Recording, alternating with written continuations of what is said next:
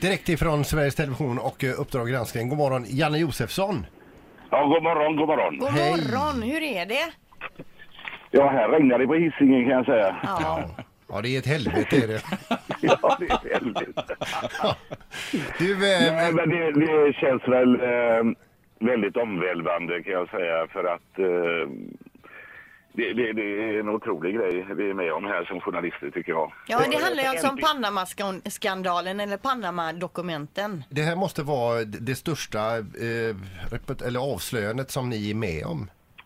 Ja, alltså det är ju den största läckan som vi säger, det är 11 miljoner papper eller vad det är. Men eh, det är ju ett samarbete mellan eh, ett hundratal journalister världen över och det är ju unikt. Så att eh, äntligen eh, börjar väl folk kanske, du vet vi ligger ju taskigt till i förtroendemätningar vi journalister som alla andra eh, makthavare. Och, eh, men nu har vi väl lite eh, medvind tror jag. Jag tror folk gillar det här. Jag måste säga att det, det är imponerande och den här journalisten på Island, Johannes, han har inte haft jobb på över ett år, suttit eh, i någon stuga. Nu är han hjälte eh, och liksom eh, folk går ut på gator och torg och, och, och statsministern eh, har nu äntligen avgått. Jag kan berätta en rolig grej bakom kulisserna lite. Eh, när vi skulle, eller jag skulle göra påannonseringen för detta då, för, några dagar sedan så sa jag bara det här kommer att skaka om eh, regeringen. Och, och, och sen meddelas då i jag tror det var ett förrgår eller något sånt här, att han skulle avgå. Så jag måste åka in igen och göra om alltihopa och säga att eh, eh efter eh, våra intervju så har han avgått. Och det kändes ju jättehäftigt och sådär.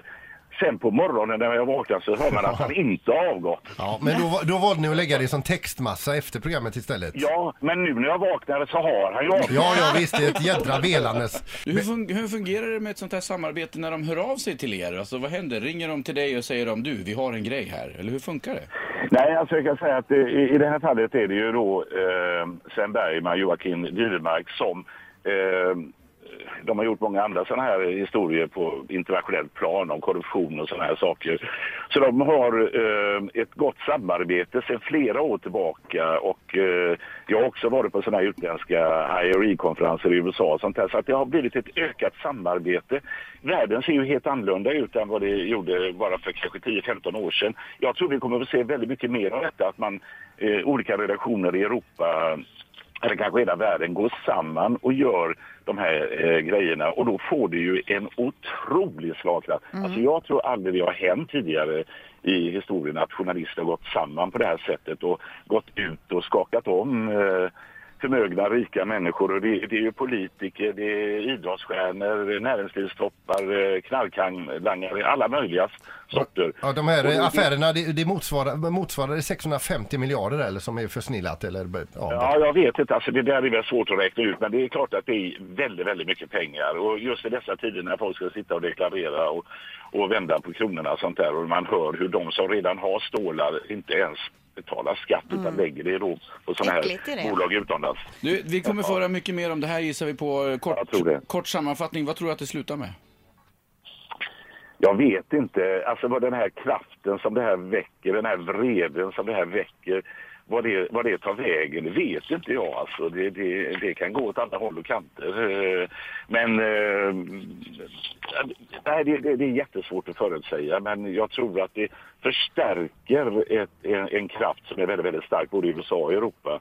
Det är just det här anti-establishment. Va? Alltså att man, man tror inte längre på politiker, makthavare och där ingår ju också journalister även om vi ligger bra till just nu då Ja. kanske. Och, och, och det är en, eh, det är en farlig utveckling.